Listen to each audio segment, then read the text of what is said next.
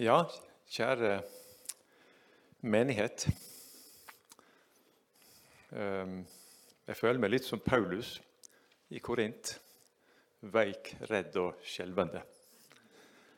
Eh, og etter å ha hørt på Ranterud, så føler jeg meg i tillegg som en mygg.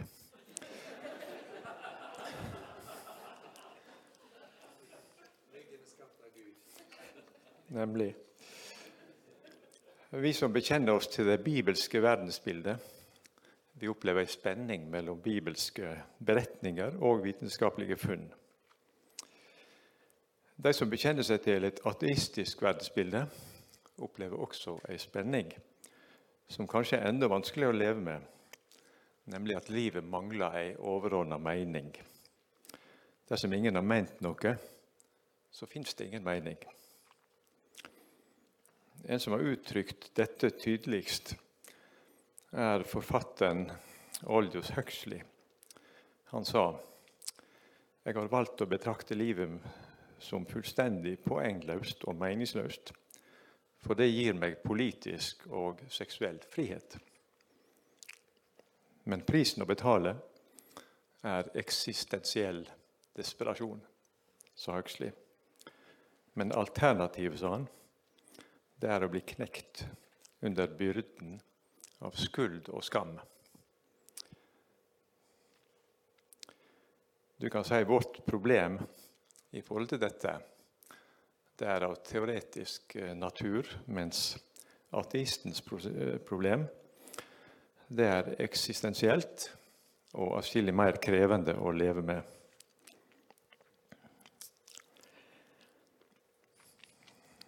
Så over til temaet. Og Der eh, kan jeg starte med et sitat av Paulus igjen. Om noen mener at han har kunnskap om noe, så kjenner han det ennå ikke slik han burde kjenne det. Det er også en følelse jeg har. ok, det var en innledning. Uh, hva veit Per Gynt om Henrik Ibsen? Svar så mye som Ibsen har skrevet seg sjøl inn i stykket. Og hvor mye har Gud skrevet seg sjøl inn i naturen og biologien? Ingenting, vil, si, vil ateisten si. Ganske mye, ville vi svare. Jeg skal prøve å gå litt inn på tre store spørsmål som, eh, som alltid har skapt hodebry for, eh, for menneskeheten til alle tider. Én verdens opprinnelse. To livets opprinnelse. Tre artenes opprinnelse. Og Dette er et tema som uh, har utfordra veldig mange fagfelt. Jeg kan nevne geologi, arkeologi, astronomi, atomfysikk, matematikk, statistikk, biokjemi, molekylærbiologi, cellebiologi, zoologi, historie, teologi og filosofi, med flere.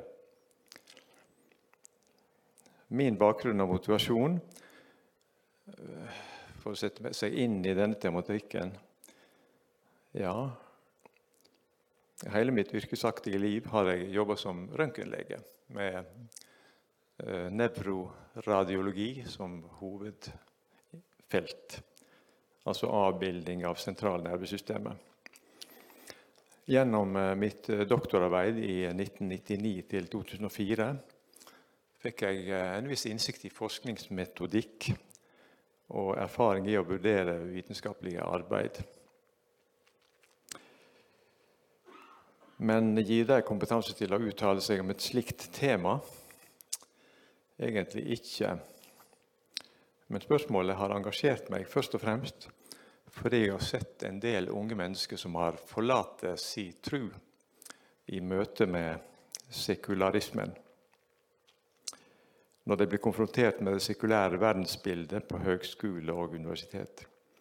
Det de har hørt i kirka, stemmer ikke overens med det de får høre i sin utdanning. Jeg skal si litt om eh, vitenskap og vitenskapens framvekst. I middelalderen var det eh, ikke noe særlig skille mellom teologi, filosofi og vitenskap. Teologien hadde en sterk stilling, og filosofer og forskere var opptatt av at forskninga måtte stemme med teologien. Eh, i opplysningstida på 1600-1700-tallet var det sterke røster som hevder at teologi og vitenskap burde skille lag. Ved å ta vekk Gud fra vitenskapen vil en ta bort en X-faktor som sto i veien for sann vitenskap. Naturvitenskap handler som eh, kjent om å utforske naturen ved hjelp av naturen. Naturvitenskap handler kun om naturlige fenomen. Og eh, Hvis jeg har forstått Bibelen rett, eh, første Mosebok 1,28, så står det at vi skal oppfylle jorda og legge den under oss.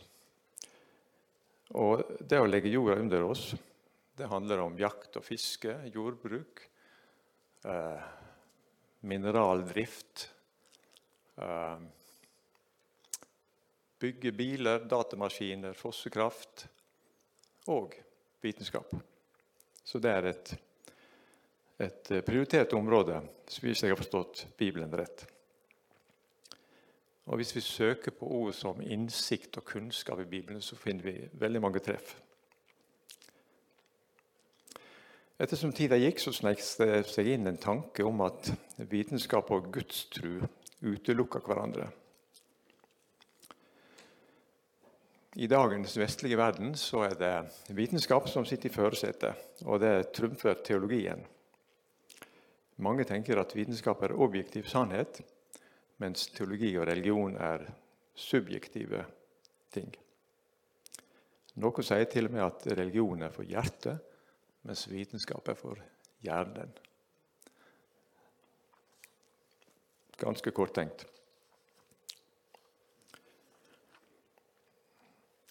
Litt om vitenskap. Å få publisert noe i et vitenskapelig tidsskrift er en omstendelig prosess. Det har jeg sjøl erfart. Når en sender inn et arbeid, blir det granska med argusøyne av eksperter på området før det blir sluppet gjennom.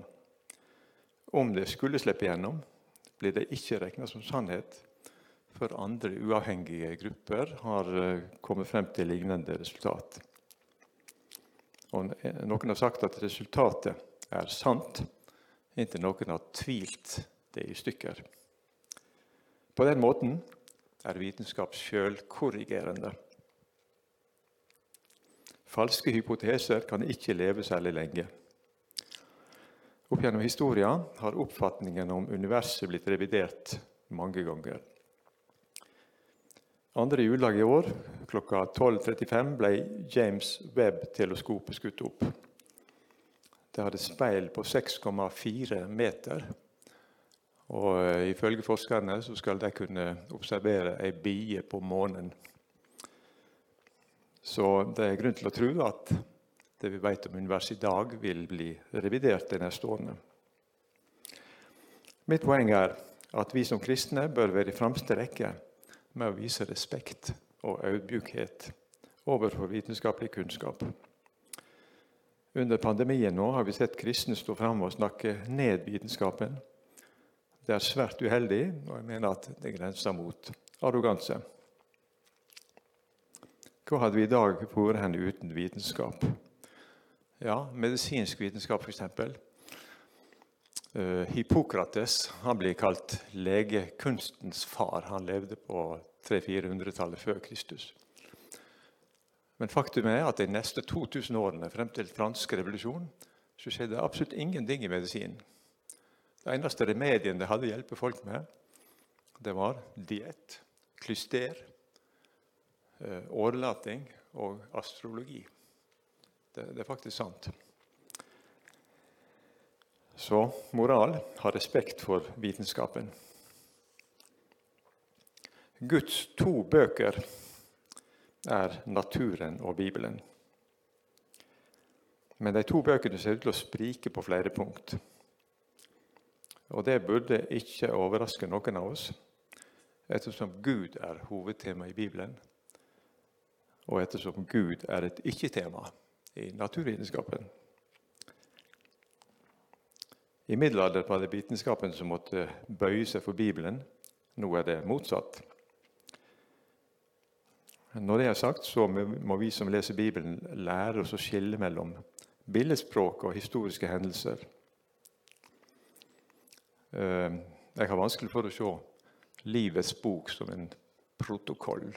Fakt, fysisk protokoll. Det har sikkert du også. Jeg sliter også med å tenke på livets tre og kunnskapens tre som fysiske tre. Det kan sikkert uh, vår inviterte foredragsholder si mye om. Litt om verdens opprinnelse. Siden 2012 Nei, feil. 1912 har det vært kjent at universet ekspanderer, og at stjernene er på vei bort fra oss. En prest, George Lemaitre, han var også astronom, og han mente at universet utvider seg stadig. Ut ifra de, og ut ifra de, de fakta som forelå på det tidspunktet, så postulerte han og eh, andre eh, eh, dette med starten og kalte det for Big Bang. og Det er tilbake til 1927. Lemaitre ble kritisert for dette standpunktet eller synspunktet fordi de sekulære forskerne mente at Big Bang talte altfor sterkt i retning av en skapelse. For helt fra Aristoteles sin tid var det en rådende oppfatning at universet var evig. Big Bang er i dag akseptert som, som, sannhet fordi det stemmer med observasjoner og målinger som er gjort. Og en mener at det skjedde for over 13 milliarder år siden. Mange kristne forskere støtter Big Bang, eksempelvis genetiker Francis Collins, matematikkprofessor John Lennox og forfatter av, av boka som som eh, Stig Magne viste her.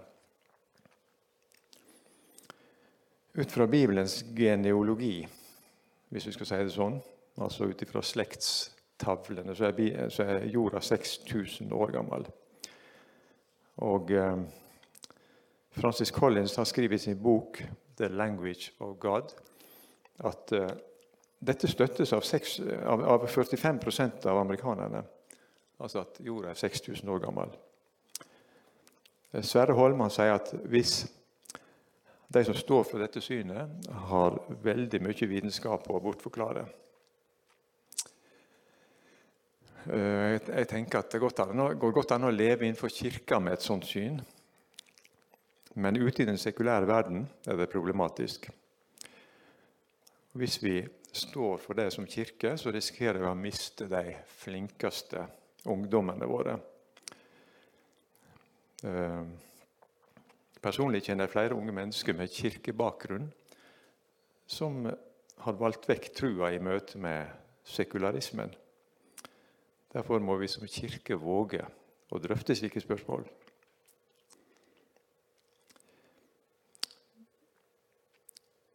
Altså Det er det som kalles for, for uh, ung jord-kreasjonisme.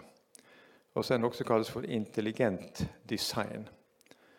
Og Det er en, en uh, pseudovitenskapelig oppfatning, nærmest et filosofisk standpunkt, som prøver å forene vitenskap og skapertru. Det lar seg ikke underbygge med forskning, fordi en overnaturlig intelligens ikke lar seg utforske. Så det finnes lite forskning på dette. Så har vi naturalisme eller sekularisme eller materialisme. De fleste sekulære vil slutte seg til Big Bang, men ingen har forklaring på hva som eksisterte før dette, og hva som utløste det. En naturalist Jeg har en jeg diskuterer av og til med. Vi har en veldig god relasjon. Og eh, for en naturalist så fins det mange problemer som går på, rett og slett på livets selvfølgeligheter. F.eks. hva er bevissthet for noe? Det går ikke an å forklare. Og, hva, og, den frie viljen. Han jeg diskuterer med, han sier at fri vilje det forstår ikke jeg. Fordi ut ifra naturalisme så er alt vi gjør og foretar oss, det er rett og slett nevrokjemi. Altså det er kjemiske prosesser i hjernen. Litt om livets opprinnelse. Når jeg har sittet og sett på naturprogram på TV, har jeg gremma meg over livets, at livets opprinnelse blir omtalt med den største selvfølgelighet. Med evolusjon som drivende kraft. Da Darwin ga ut boka si 'Origin of Species' i 1859, da var spørsmålet om livets opprinnelse veldig lite debattert. Og Darwin lanserte ingen teori om livets opprinnelse. Men det har mange av hans etterkommere gjort, eh, og kalt det for nydarwinisme. Og Hvis en prøver å sette seg inn i det, så eh, kan en med et litt stygt ord kalle det for filosofisk tankespinn, veldig mye av det. Og lite vitenskap.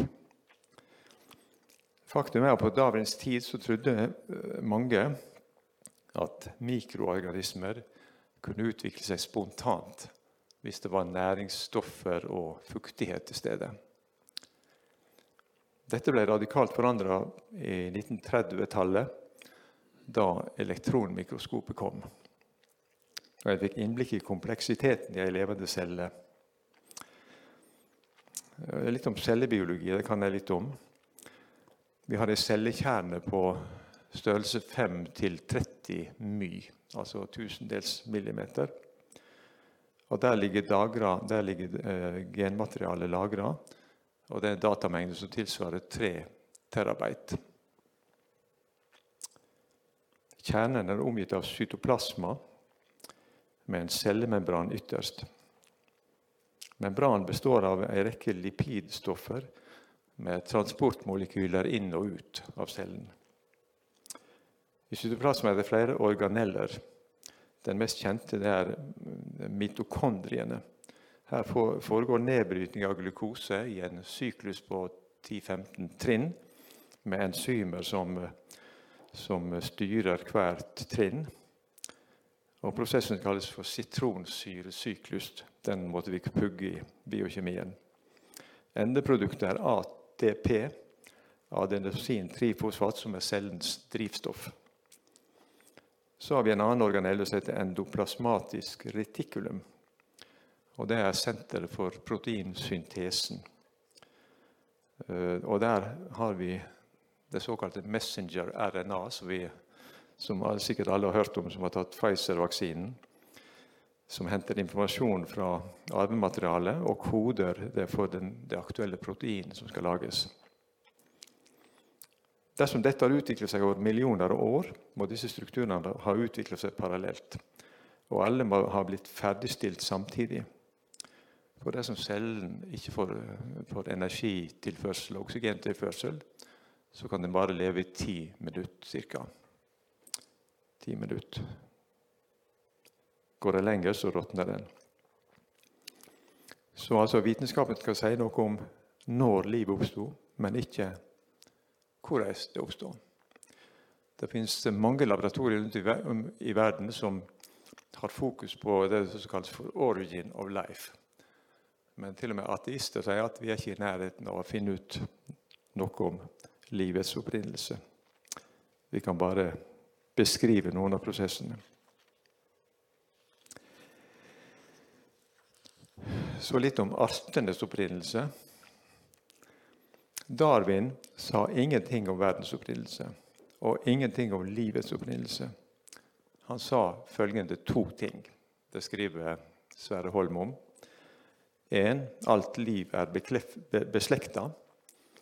Og 2. naturlig utvalg fører til at det som er best egna, lever videre. Og Darwin, Darwin sa faktisk i boka si følgende Det er en storhet i denne anskuelse at livet i all sin mangfoldige prakt opprinnelig er innblåst av Skaperen. Genetikeren Francis Collins var direktør for The Human Genome Project, som, som analyserte Det var 10-15 laboratorier i verden som analyserte vårt arvemateriale, og det ble fullført i år 2000. Og han sto ved siden av Bill Clinton i Det hvite hus den 26. juni 2000 med satellittoverføring til flere land. Og dette var en svær, stor sak. Og Bill, Bill Clinton sa følgende i sin tale Today we are learning the language in which God created life. We are gaining even more awe for the complexity, the beauty, the wonder of God's most divine and sacred gift. At livet utvikler seg, og at det som er best egnet, lever videre, er faktisk eh, forskere helt enige om. Og Hvis vi ser på covid-viruset, covid-19, det har endret seg minst to ganger i løpet av uh, siden det kom på banen. Og omikron ser ut til å være det, best, det som er best egnet til å overleve foreløpig. Men det holder seg innenfor 18. Det går ikke over til herpesvirus eller et annet virus. Det holder seg innenfor 18. Og Det kalles da for mikroevolusjon eller mutasjon. Men så har vi noe som heter makroevolusjon. Hvordan kan en ny art utvikle seg?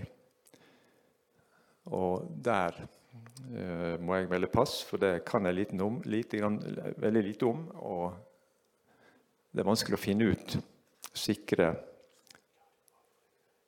Jeg skal nå, ja. Men han Collins sier no serious biologist doubts the theory of evolution to explain the marvelous complexity and diversity of life. Ok, da eh, til, Helt til avslutning.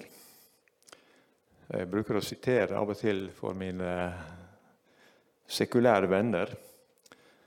Eh, et sitat fra Tolstojs store epos 'Krig og fred', der karakteren Pierre Besjukov sier følgende Hva er godt, og hva er dårlig? Hva skal man elske, og hva skal man hate? Hva skal man leve for? Og hva er liv, og hva er døden? Og hvilken kraft driver det hele?